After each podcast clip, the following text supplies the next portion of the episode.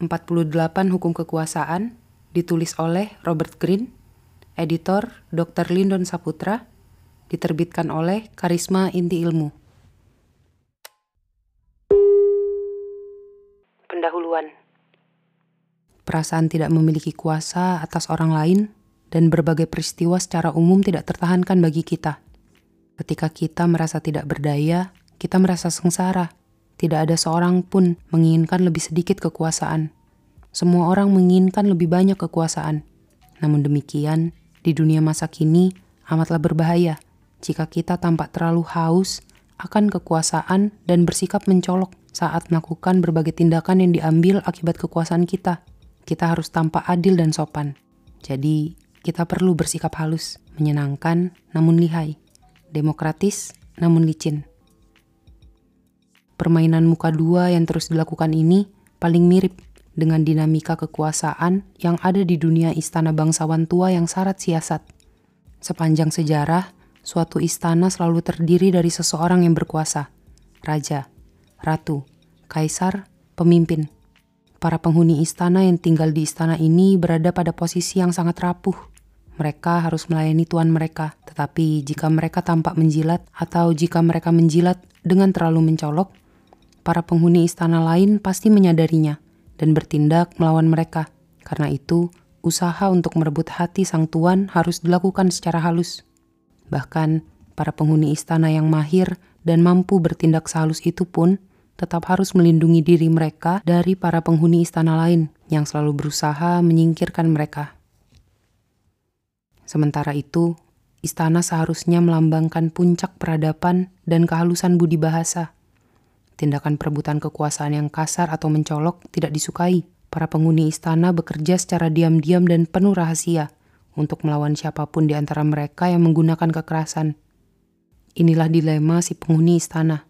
Meskipun ia tampak seperti suri teladan keeleganan, mereka harus mengakali dan menghalangi musuh mereka dengan cara yang paling halus.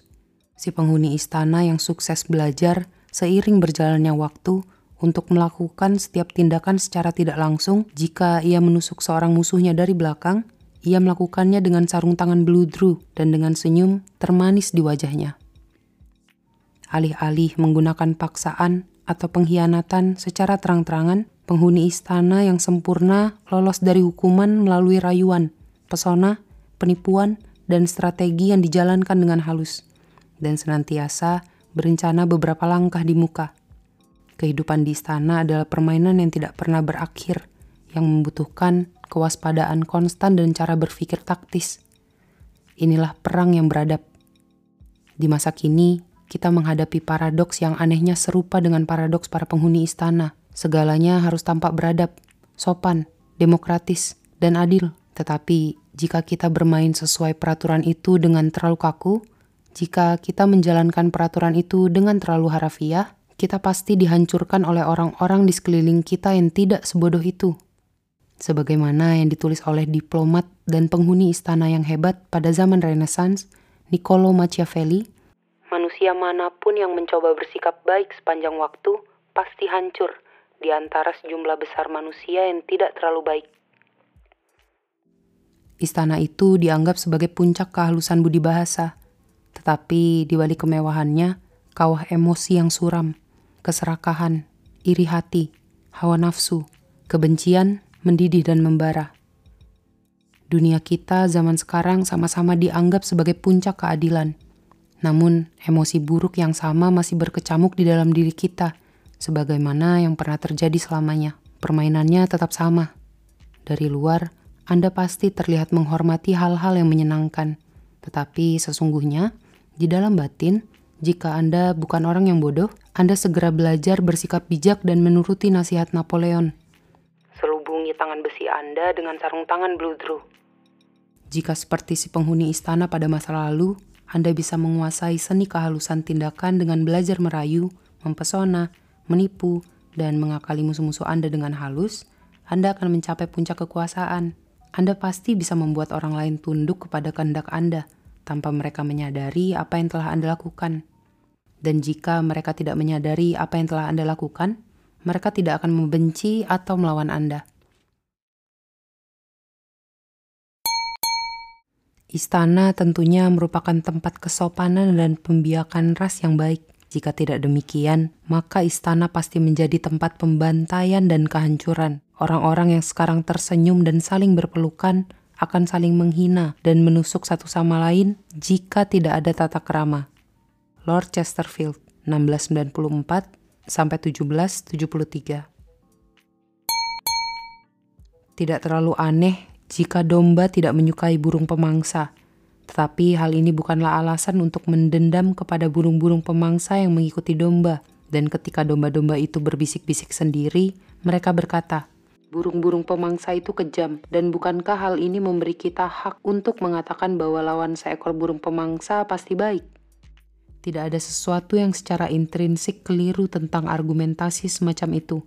Meskipun para burung pemangsa akan terlihat agak bingung dan berkata, kami tidak dendam kepada domba-domba baik ini. Sesungguhnya kami menyukai mereka. Tidak ada apa pun yang terasa lebih lezat daripada seekor domba yang empuk. Friedrich Nietzsche, 1844 sampai 1900.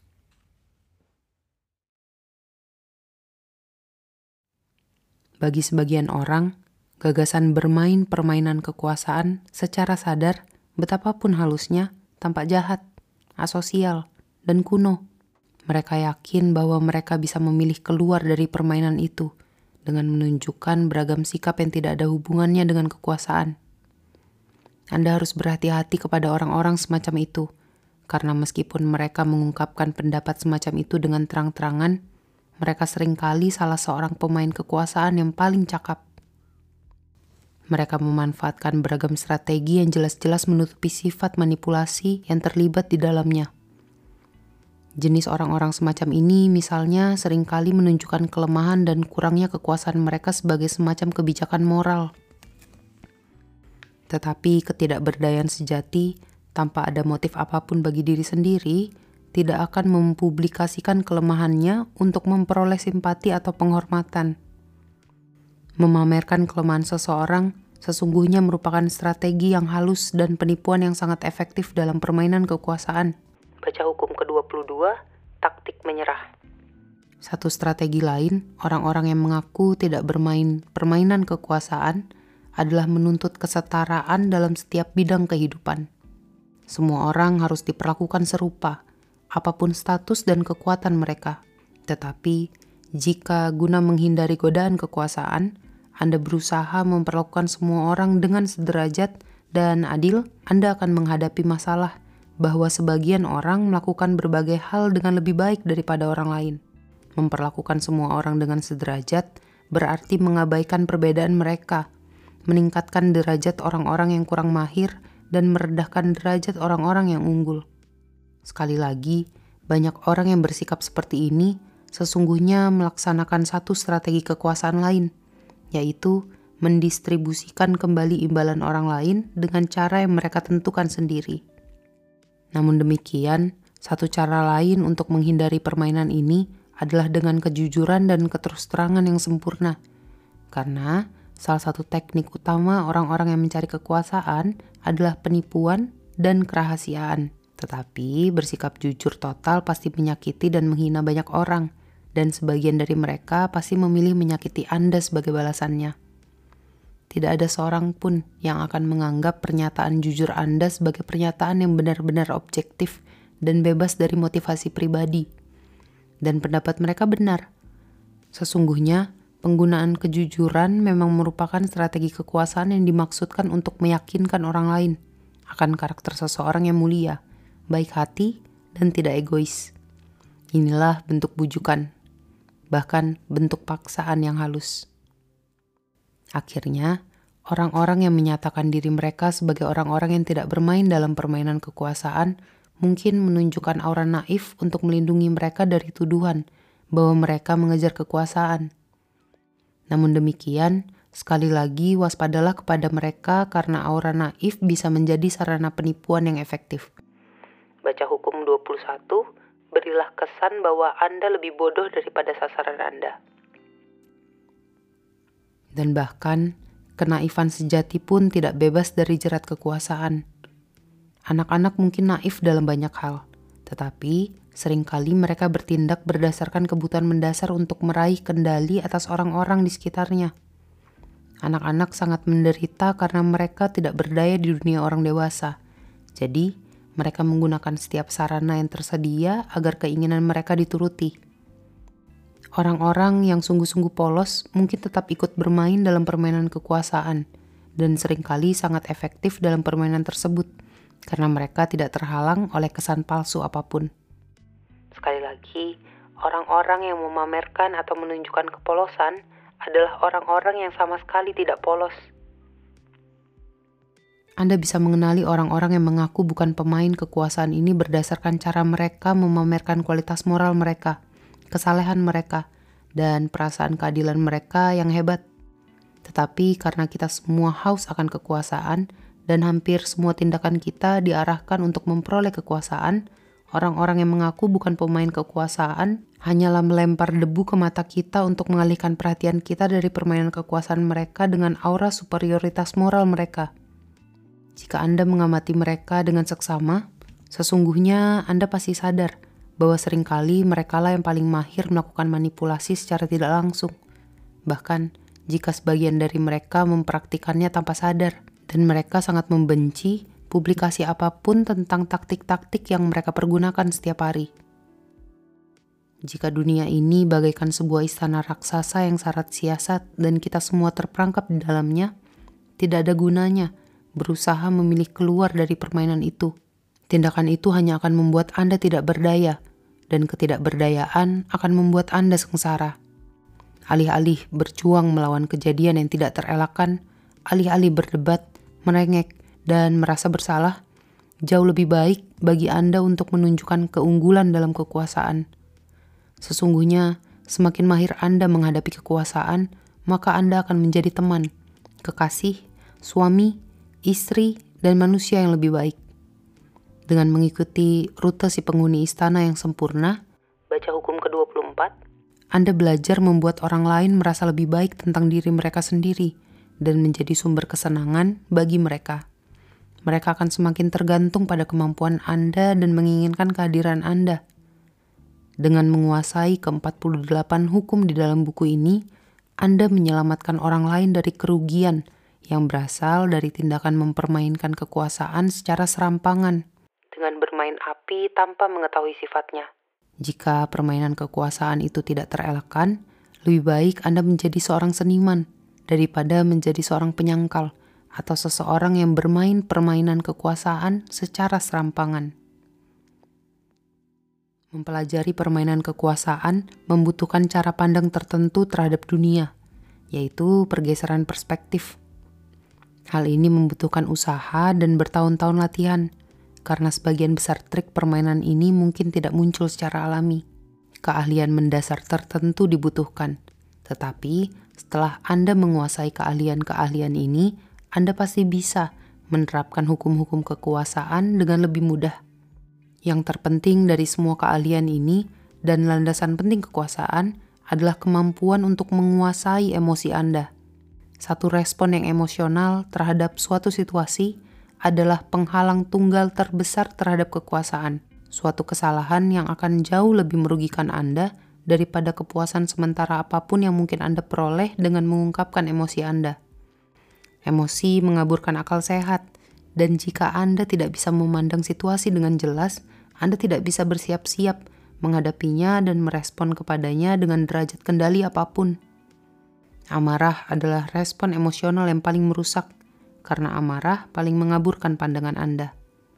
Amarah juga memiliki efek riak yang pasti membuat beragam situasi lebih tidak terkendali dan memperbesar tekad musuh Anda. Jika Anda sedang berusaha menghancurkan seorang musuh yang telah menyakiti Anda, jauh lebih baik bagi Anda untuk membuatnya terkejut dengan berpura-pura bersikap ramah alih-alih menunjukkan amarah Anda. Kasih dan kasih sayang juga berpotensi merusak karena membutakan Anda terhadap minat orang lain yang sering kali egois, yang paling tidak Anda curigai sebagai para pemain kekuasaan. Anda tidak bisa meredam amarah atau kasih, atau menghindari merasakan kedua emosi itu, dan sebaiknya Anda tidak berusaha melakukan tindakan tersebut. Tetapi sebaiknya Anda berhati-hati tentang cara mengekspresikannya. Dan yang terpenting, emosi itu sebaiknya jangan pernah mempengaruhi rencana dan strategi Anda dalam hal apa pun. Yang berhubungan dengan menguasai emosi Anda adalah kemampuan untuk menjaga jarak Anda dari masa kini dan berpikir secara objektif tentang masa lalu dan masa depan. Seperti Janus, dewa Romawi berwajah ganda dan penjaga semua gerbang dan ambang pintu, Anda harus bisa memandang kedua arah sekaligus agar bisa menghadang bahaya dengan lebih baik dari arah mana pun. Itulah wajah yang harus Anda ciptakan untuk diri Anda sendiri. Satu wajah yang terus-menerus memandang masa depan, dan satu wajah lain yang terus-menerus memandang masa lalu. Bagi masa depan, moto Anda haruslah harus selalu waspada setiap hari. Tidak ada apa pun yang boleh mengejutkan Anda karena Anda sudah terus-menerus membayangkan masalah sebelum masalah itu muncul. Alih-alih menghabiskan waktu Anda dengan memimpikan akhir rencana Anda yang membahagiakan, Anda harus berusaha memperhitungkan setiap perubahan yang mungkin terjadi dan setiap kesukaran tersembunyi yang mungkin muncul di dalamnya. Semakin jauh Anda memandang, semakin jauh kemajuan Anda dalam melaksanakan rencana Anda, maka Anda akan semakin kuat. Wajah kedua Janus selalu memandang ke masa lalu, meskipun bukan untuk mengingat luka masa lalu atau mendendam tindakan itu hanya akan meredam kekuasaan Anda. Separuh dari permainan ini adalah belajar cara melupakan peristiwa-peristiwa di masa lalu yang menggerogoti Anda dan mengaburkan akal sehat Anda. Satu-satunya tujuan mata yang memandang ke masa lalu adalah selalu mendidik diri Anda. Anda memandang masa lalu untuk belajar dari orang-orang yang hidup sebelum Anda. Banyak contoh sejarah dalam buku ini yang akan sangat membantu proses tersebut. Kemudian, setelah memandang masa lalu, Anda memandang masa kini dengan lebih seksama, menilai tindakan Anda sendiri dan tindakan teman-teman Anda. Inilah sekolah terpenting yang bisa Anda manfaatkan untuk memperoleh pelajaran, karena sekolah ini berasal dari pengalaman pribadi. Anda memulainya dengan menelaah kesalahan-kesalahan yang pernah Anda lakukan di masa lalu, kesalahan-kesalahan yang membuat Anda tidak bisa maju, anda menganalisa kesalahan-kesalahan tersebut sesuai dengan 48 hukum kekuasaan, dan Anda mendapat pelajaran darinya dan belajar berikrar. Aku tidak akan pernah mengulangi kesalahan semacam itu. Aku tidak akan pernah jatuh ke dalam perangkap seperti itu lagi. Jika Anda bisa mengevaluasi dan mengamati diri Anda sendiri dengan cara ini, Anda bisa belajar menghentikan pola masa lalu Anda, suatu keahlian yang luar biasa berharga. Kekuasaan membutuhkan kemampuan mempermainkan penampilan. Karena itu, Anda harus belajar memakai banyak topeng dan menyimpan sekantong penuh trik-trik tipuan, penipuan dan penyamaran sebaiknya tidak dianggap buruk atau amoral. Semua interaksi manusia membutuhkan tipuan dalam banyak hal, dan dalam banyak hal yang memisahkan manusia dengan hewan adalah kemampuan kita untuk berbohong dan menipu. Dalam mitos-mitos Yunani, dalam siklus Mahabharata India, dalam syair kepahlawanan Timur Tengah Gilgamesh, menggunakan seni penipuan adalah hak istimewa para dewa. Seorang pria yang hebat, Odysseus misalnya, dinilai berdasarkan kemampuannya untuk menandingi keahlian para dewa dengan mencuri sebagian kekuasaan suci mereka dengan menandingi kelihayan dan tipuan mereka. Penipuan adalah seni peradaban yang berkembang dan senjata paling manjur dalam permainan kekuasaan. Anda tidak bisa berhasil menipu, jika Anda tidak menjaga jarak tertentu dengan diri Anda sendiri. Jika Anda tidak bisa berpura-pura menjadi banyak orang yang berbeda dengan memakai topeng yang sesuai dengan kebutuhan hari dan momen tersebut. Dengan pendekatan yang amat fleksibel terhadap semua penampilan, termasuk penampilan Anda sendiri, Anda kehilangan banyak beban batin yang menekan orang lain. Buatlah wajah Anda selunak wajah seorang aktor. Berusahalah menyembunyikan niat Anda dari orang lain – dan berlatihlah membujuk orang lain ke dalam perangkap. Bermain dengan penampilan dan menguasai seni penipuan adalah salah satu kesenangan estetika dalam kehidupan. Keduanya juga merupakan komponen kunci untuk memperoleh kekuasaan. Jika penipuan adalah senjata paling manjur dalam gudang senjata Anda, maka kesabaran dalam segala hal adalah tameng Anda yang penting. Kesabaran akan melindungi Anda agar tidak melakukan kesalahan yang bodoh. Layaknya menguasai emosi Anda, kesabaran adalah suatu keahlian. Kesabaran tidak bisa diperoleh secara alami, tetapi tidak ada apa pun tentang kekuasaan yang bersifat alami. Kekuasaan lebih mirip dewa daripada hal lain di dunia ini, dan kesabaran adalah kebijakan pokok para dewa yang tidak memiliki apa-apa kecuali waktu. Segala hal yang baik pasti terjadi. Rumput akan tumbuh lagi jika Anda memberinya waktu, dan jika Anda melihat beberapa langkah ke masa depan. Di lain pihak, ketidaksabaran hanya membuat Anda tampak lemah. Ketidaksabaran adalah penghalang utama kekuasaan kekuasaan yang pada dasarnya amoral dan merupakan salah satu keahlian terpenting yang patut Anda peroleh adalah kemampuan untuk memandang situasi, alih-alih memandang hal yang baik ataupun buruk. Kekuasaan adalah suatu permainan.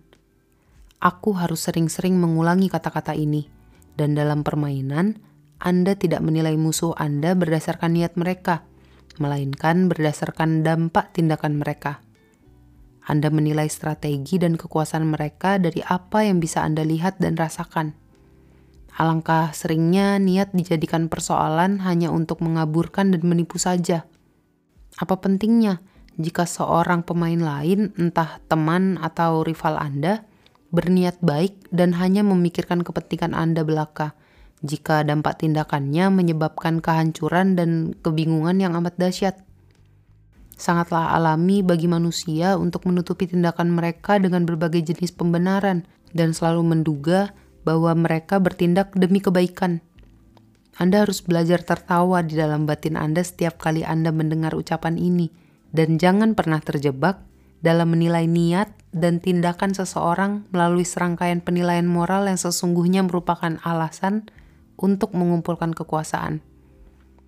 Kekuasaan adalah suatu permainan Musuh Anda duduk di seberang Anda. Kalian berdua bersikap sopan, mengamati peraturan permainan, dan tidak mengambil hati apa pun sama sekali. Anda bermain dengan menggunakan strategi, dan Anda mengamati tindakan musuh Anda dengan ketenangan yang sanggup Anda kerahkan. Pada akhirnya, Anda akan menghargai kesopanan orang-orang yang bermain bersama Anda lebih daripada niat baik mereka yang manis. Latihlah mata Anda untuk mengikuti hasil tindakan mereka situasi eksternal, dan jangan biarkan diri Anda dialihkan oleh hal lain. Separuh penguasaan Anda terhadap kekuasaan berasal dari apa yang tidak Anda lakukan, apa yang tidak Anda izinkan menyeret Anda. Demi memperoleh keahlian ini, Anda harus belajar menilai segala hal dari harga yang harus Anda bayar untuk mendapatkannya. Seperti yang ditulis oleh Nietzsche, Nilai sesuatu kadang tidak terdapat dari apa yang diperoleh seseorang dengan memiliki hal itu, tetapi apa yang dibayar seseorang untuk mendapatkannya. Apa harga yang harus kita bayar untuk memperolehnya? Mungkin Anda akan mencapai tujuan Anda, dan tujuan itu memang berguna, tetapi berapa harga yang harus Anda bayar? Terapkan standar ini untuk segala hal, termasuk apakah Anda harus bekerja sama dengan orang lain atau membantu mereka. Pada akhirnya, hidup ini singkat, peluang pun hanya ada sedikit, dan Anda hanya memiliki sedikit energi untuk dikerahkan. Dan dalam artian ini, waktu sama pentingnya untuk dipertimbangkan seperti hal lain. Jangan pernah sia-siakan waktu yang berharga atau ketenangan batin dan jiwa untuk mengurus persoalan orang lain. Harga yang harus dibayar terlalu tinggi Kekuasaan adalah permainan sosial. Untuk mempelajari dan menguasainya, Anda harus mengembangkan kemampuan untuk mempelajari dan memahami manusia, sebagaimana yang ditulis oleh pemikir dan penghuni istana yang hebat pada abad ke-17, Baltasar Krasian. Banyak orang menghabiskan waktu mempelajari sifat hewan atau tanaman obat. Alangkah jauh lebih pentingnya bagi kita untuk mempelajari sifat manusia, karena kita harus hidup atau mati bersama mereka. Untuk menjadi seorang pemain jagoan, Anda harus menjadi seorang psikolog ulung. Anda harus mengenali motivasi dan menembus awan debu yang menyelubungi tindakan orang lain. Pemahaman tentang motif tersembunyi orang lain adalah penggalan pengetahuan tunggal terbaik yang bisa Anda miliki untuk memperoleh kekuasaan. Pengetahuan itu membuka peluang untuk melakukan penipuan, rayuan, dan manipulasi yang tidak terbatas. Manusia amatlah rumit, dan Anda bisa menghabiskan seumur hidup Anda dengan mengamati mereka tanpa pernah benar-benar memahami mereka. Jadi amatlah penting bagi Anda untuk memulai pendidikan Anda sekarang juga. Dengan melakukan tindakan tersebut, Anda juga harus mengingat satu prinsip. Jangan pernah diskriminasikan dari siapa Anda belajar dan siapa yang Anda percayai. Jangan pernah percayai total siapa pun dan pelajarilah semua orang, termasuk teman-teman dan orang-orang terkasih Anda. Yang terakhir, Anda harus selalu belajar menempuh jalur kekuasaan yang tidak langsung. Samarkan kelihayan Anda seperti sebuah bola biliar yang mental beberapa kali sebelum mengenai sasarannya. Tindakan Anda harus direncanakan dan dikembangkan dengan cara yang paling implisit. Dengan melatih diri Anda agar bisa bertindak implisit, Anda bisa bertumbuh subur di istana modern dan muncul sebagai suri teladan kesopanan. Padahal Anda adalah seorang manipulator yang sempurna. Anggaplah buku 48 Hukum Kekuasaan sebagai semacam buku pegangan tentang seni keimplisitan. Hukum-hukum ini dilandaskan kepada tulisan para pria dan wanita yang telah mempelajari dan menguasai permainan kekuasaan. Tulisan-tulisan ini merentang selama periode waktu 3000 tahun lebih dan diciptakan dalam peradaban yang amat berlainan seperti zaman Cina kuno dan zaman Renaissance di Italia. Namun demikian, tulisan-tulisan ini berisi inti dan tema yang lazim dan sama-sama menunjukkan intisari kekuasaan yang belum dipaparkan dengan lengkap. 48 hukum kekuasaan adalah kumpulan kebijaksanaan yang dikumpulkan dari tulisan-tulisan ahli strategi seperti Sun Tzu dan Clausewitz, negarawan seperti Bismarck dan Talleyrand, para penghuni istana seperti Castiglione dan Gracian, para perayu seperti Ninon de Lanclos dan Casanova, dan para seniman penipu seperti Yellow Kidwell yang paling terkenal dalam sejarah. Hukum-hukum ini memiliki satu dasar yang sederhana. Tindakan-tindakan tertentu hampir selalu memperbesar kekuasaan seseorang, sedangkan tindakan-tindakan lain mengurangi kekuasaan dan bahkan merusak kita. Pelanggaran dan ketaatan ini digambarkan oleh contoh-contoh kejadian bersejarah. Hukum-hukum ini kekal dan pasti. 48 hukum kekuasaan bisa dipergunakan dengan berbagai cara.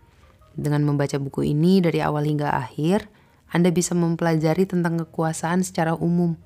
Meskipun beberapa hukum ini mungkin sepertinya terhubung secara tidak langsung dengan hidup Anda, pada saatnya nanti mungkin Anda akan mendapati bahwa semua hukum ini pernah diterapkan, dan bahwa sesungguhnya semua hukum ini saling berhubungan.